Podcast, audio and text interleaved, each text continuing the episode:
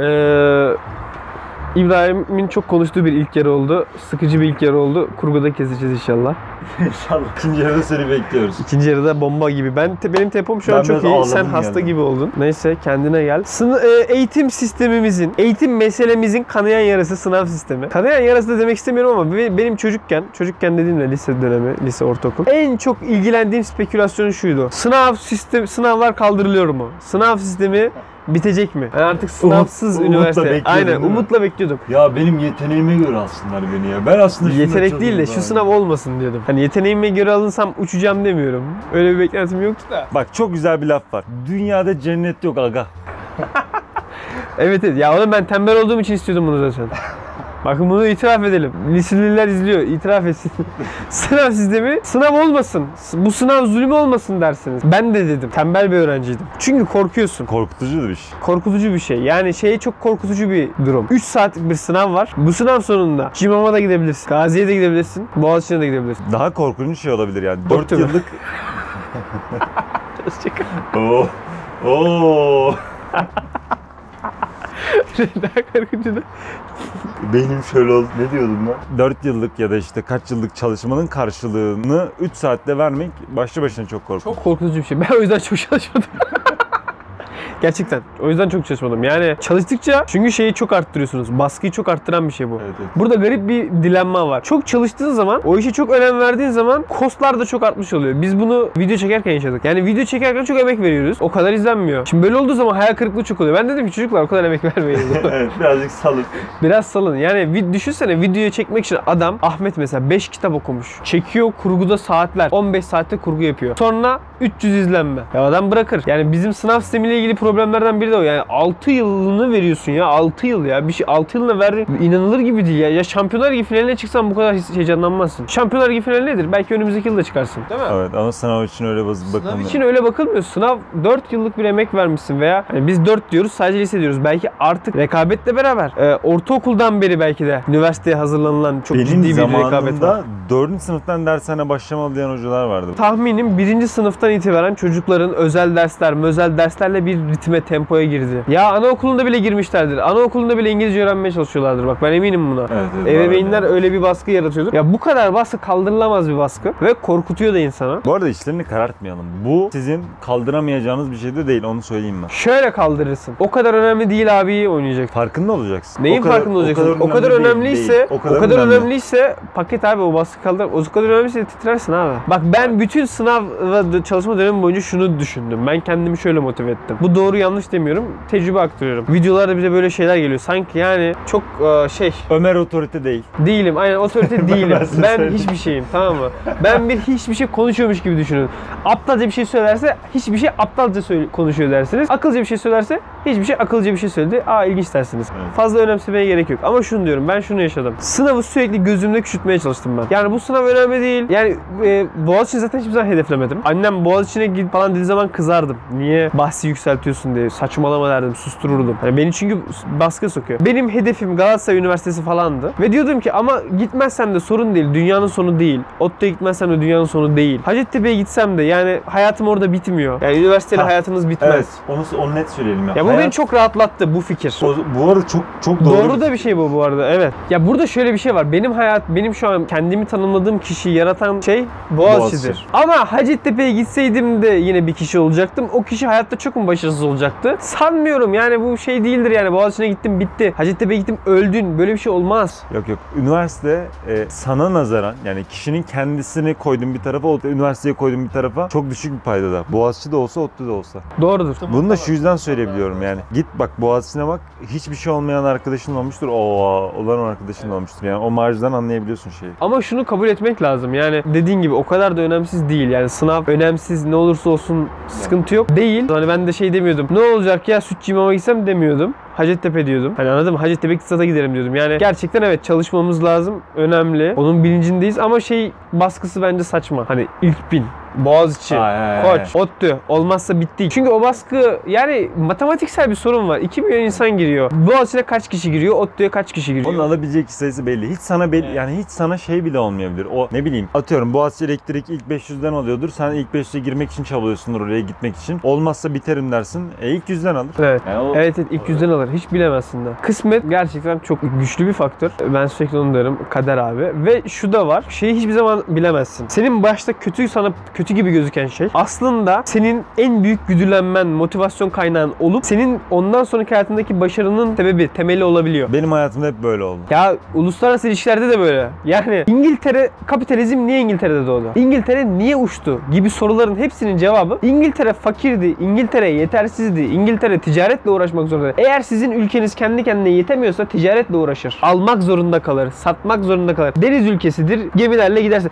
Osmanlı coğrafya keşifleri niye yapmadı? Osmanlı niye yapsın hali kardeşim? yerindeydi çünkü. Evet. Basitçe yani. Çok basit. Yani o coğrafi keşifleri yapan adamların hikayelerini okuyun. Latin adam görmediği bir okyanusa çıkıyor. Delilik nereye gideceğini ya. bilmiyor. Gidiyor. Bunu normal bir insan yapmaz. Çok bir güzel deli yapar. Evet. Artık sıkışmış bir insan yapar. Hayatta sonuna kadar boğulmuş. Gidecek yeri olmayan adam yapar. Şimdi bunu görmek lazım. O yüzden Hacettepe'ye gittim öldüm. Boğaziçi olmadı öldüm. Otlu olmadı ölmedim. Belki de uçacaksın bile. Sırf bunun motivasyonuyla. Bunu görmek lazım. Şu an bilgiye ulaşmak kolay. Geyik var ya klasik geyik. Bilgiye ulaşmak harbiden kolay. Oturursun kodlamayı öğrenirsin yani. Eğer Evet, çok dert ettiysen en baba Boğaziçi bilgisayar bilenden çok daha iyi de İyi bilirsin. bilirsin. Bunun önünde bir engel yok. Bir de az önce şey söyledin ya öğrenciler tedirginler artık dedin ya. Yeni nesilde ben onu yani bizim nesilde de vardı. Bana sorsan böyle bir grafik var yani. Tedirginlik sürekli artıyor. Ve sadece bizim toplumla da alakalı değil. Bütün dünyada. Tedirginliğin artması acaba şeyle mi ilgili ya? Jenerasyonel bir fark mı yoksa siyasi mi? Şimdi jenerasyonel bir fark var. Siyasi değil bence yok. Bence bütün dünyada var. Bak iki şey oldu. Bir, dünya zenginleşti. Her yer zenginleşti.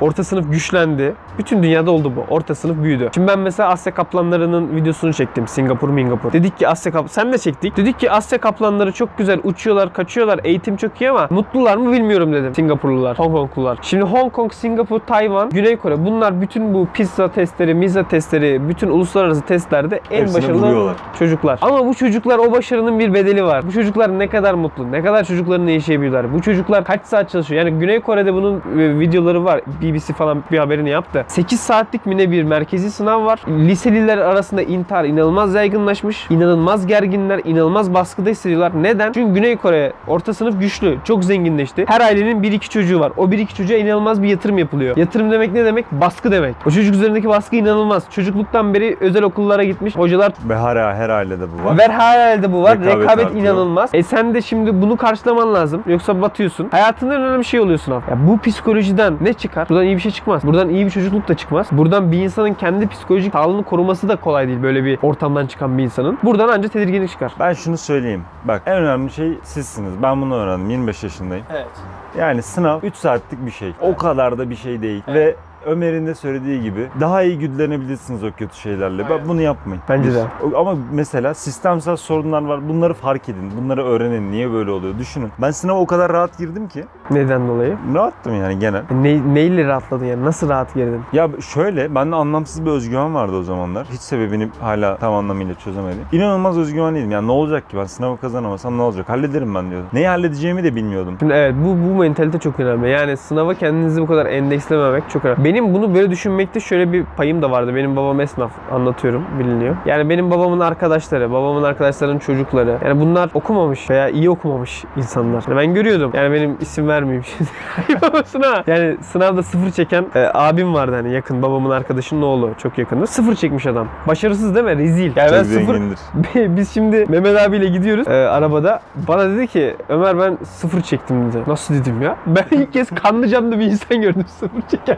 Haberlerde hep var tamam mı? Sıfır çeken öğrenciler diye. Mehmet abi sıfır çekmiş. Nasıl dedim ya? Ne yaptın dedim ya? Salla sapıyor muydu falan. Rezalet değil mi? Yani şey olması lazım hani. Kimse yanlış anlamasın ama sıfır çekmek çok çok çok kötü bir şey. Acayip kafanda şey dersin yani. Bu adam bilmesem bunlar aptal bunlar hiçbir şey olmaz dersin. Öyle değildi ama. Değil değil. Değildi. Mehmet abinin ticarete kafası çok basardı. Ve ben biliyordum. Hani ben Mehmet abiyi tanıyordum. Ben zaten sıfır çekmesine çok şaşırdım. Çünkü Mehmet abi hakikaten ticari zekası çok yüksek bir adamdı. Çok çalışkandı. Özveriliydi. Ticarete kafası basıyordu. Babasının da tabii ticaret kartla uğraşıyor. Hani bir sermaye de var. Mehmet abinin bugün kendi imalathanesi var. Milyonluk ciro yapıyordur yani. Ve Mehmet abi daha da devam eder. Yani ve Mehmet abinin örneği veya işte bu etrafta gördüğüm örnekler bana hep şunu gösterdi. Yani bu insanların hiçbiri Boğaziçi'nde okumadılar. ODTÜ'de okumadılar. Bilkent'te okumadılar. Ama bu insanlar çok başarılı insanlar. Çok başarılı insanlar oldular. O yüzden hayatta başarıyı böyle bir Boğaziçi, Bilkent'te falan endekslemek, ODTÜ'ye endekslemek bunlar saçmalık. Bunlara gerek yok. Kendinizi bu başarı kıstaslarıyla, toplumun başarı kıstaslarıyla da ölçmeyin. Merkezi sınavı kötü yapıyor olabilirsin. Matematiğe kafan basmıyordur.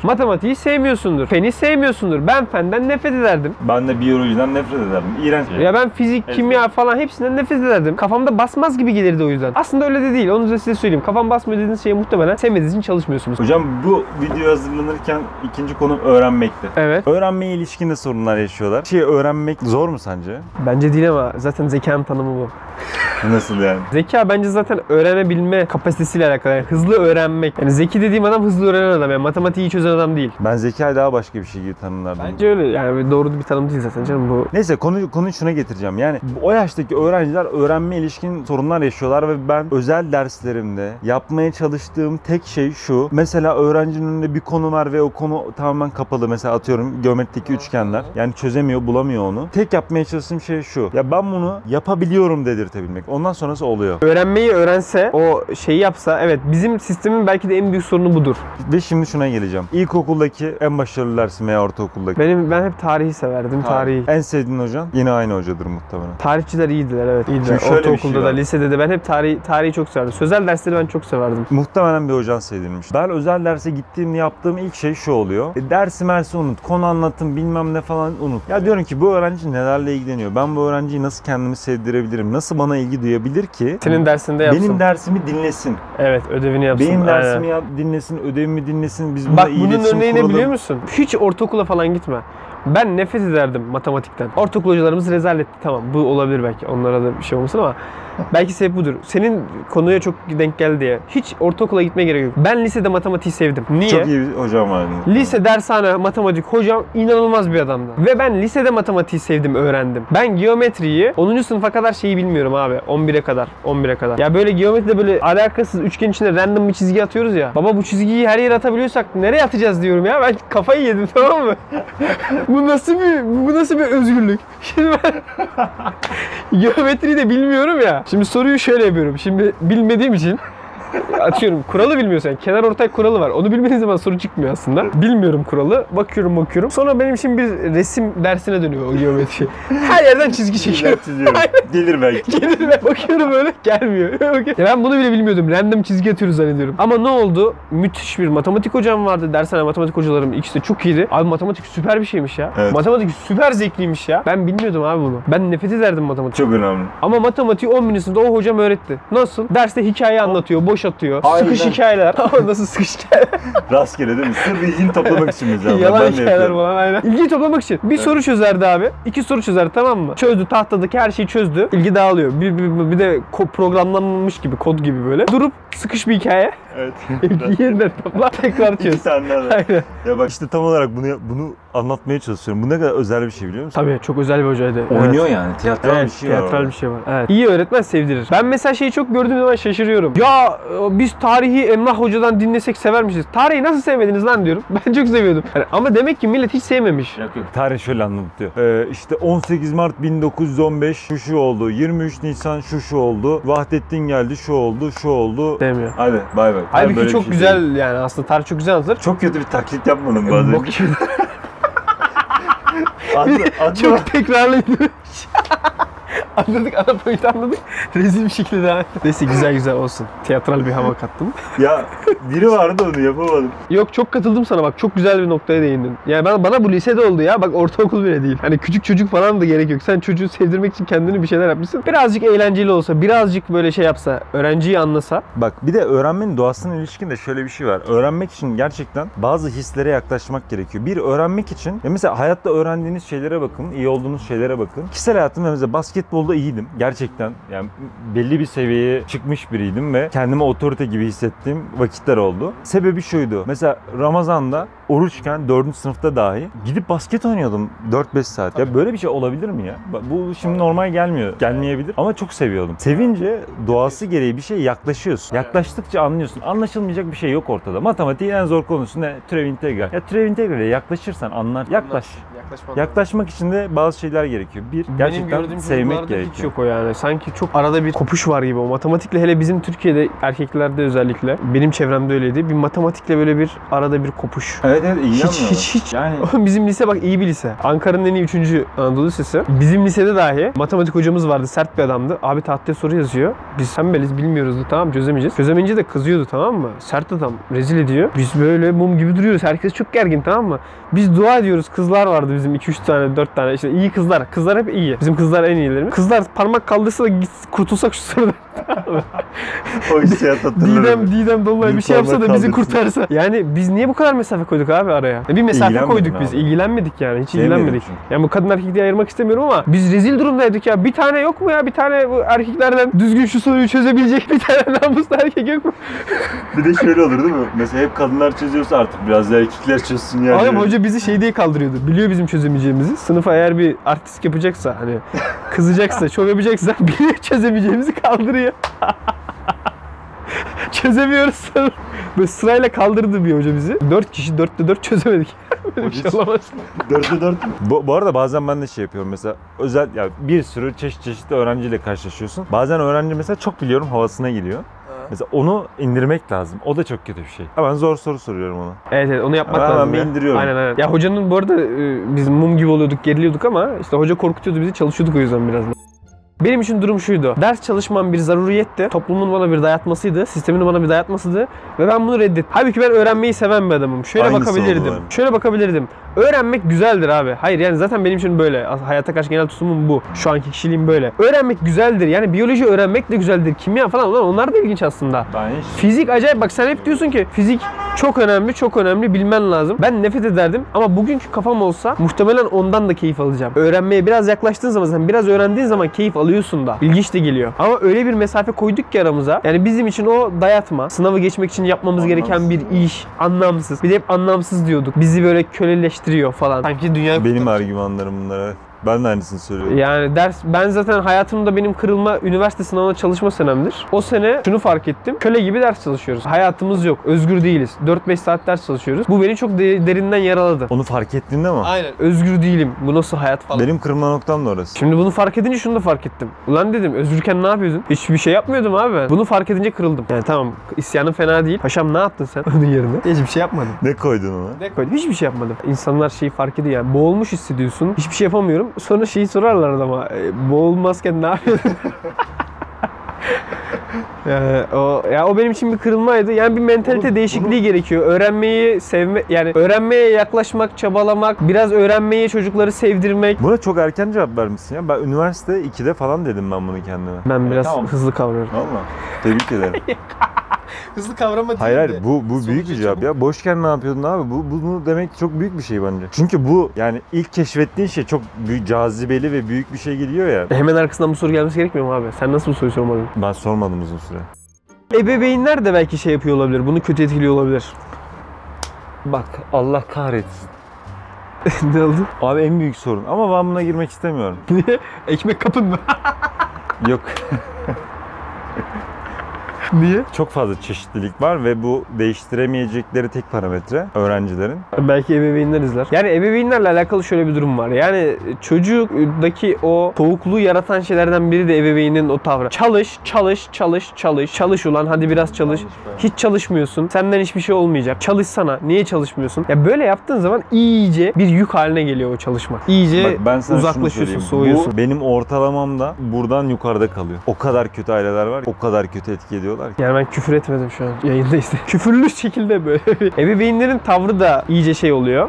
Rahatsız edici olduğu için çocukla bir antipati gelişiyor bence çalışmaya yönelik. Yani bu iş şöyle planlanabilir. Önce senin dediğin gibi birazcık çalışmaya sevdirme odaklı bir düşünceyle yaklaşma. Bu kadar. Onu nasıl yaparlar Gerisini bilmiyorum. halleder. Bu kadar. Ha, Gerisine ondan sonra karışma. da şunu yap yani Hiç çocuğa girmeyin. Yani oyun da oyna. Yani şeyi sürekli anlat. Tamam yavrum sen oyununu oyna. Sen oyun oynayacaksın. Sen boş da atacaksın. Ama şu 1-2 saat. Günde 1 saat çalış. Günde ya şu çocuğa şeyi sürekli bu telkinlerle günde çocuğa 10 sayfa kitap okuttursan o çocuk kitap okuma alışkanlığını kazansa zaten kendi kendine okur. Aynen öyle. Ama sen çocuğa oyun oynama sürekli çalış çalış çalış dediğin zaman hiçbir şey yapmıyor. Ben mesela özel derse gittiğimde falan şey yapıyorum. Mesela haftalık program yazdıracağız ya. Haftada diyorum kaç saat oyun oynamak istiyorsun? Önce onu söyle falan diyorum. O söylüyor bir şeyler. Diyorum kaç saat boş yapmak istiyorsun? Hangi saatlerde yemek yiyorsun? Var mı daha istediğin ekstra bir şey? Sana bir de diyorum 4 saatte işte boş yazalım bilmem ne.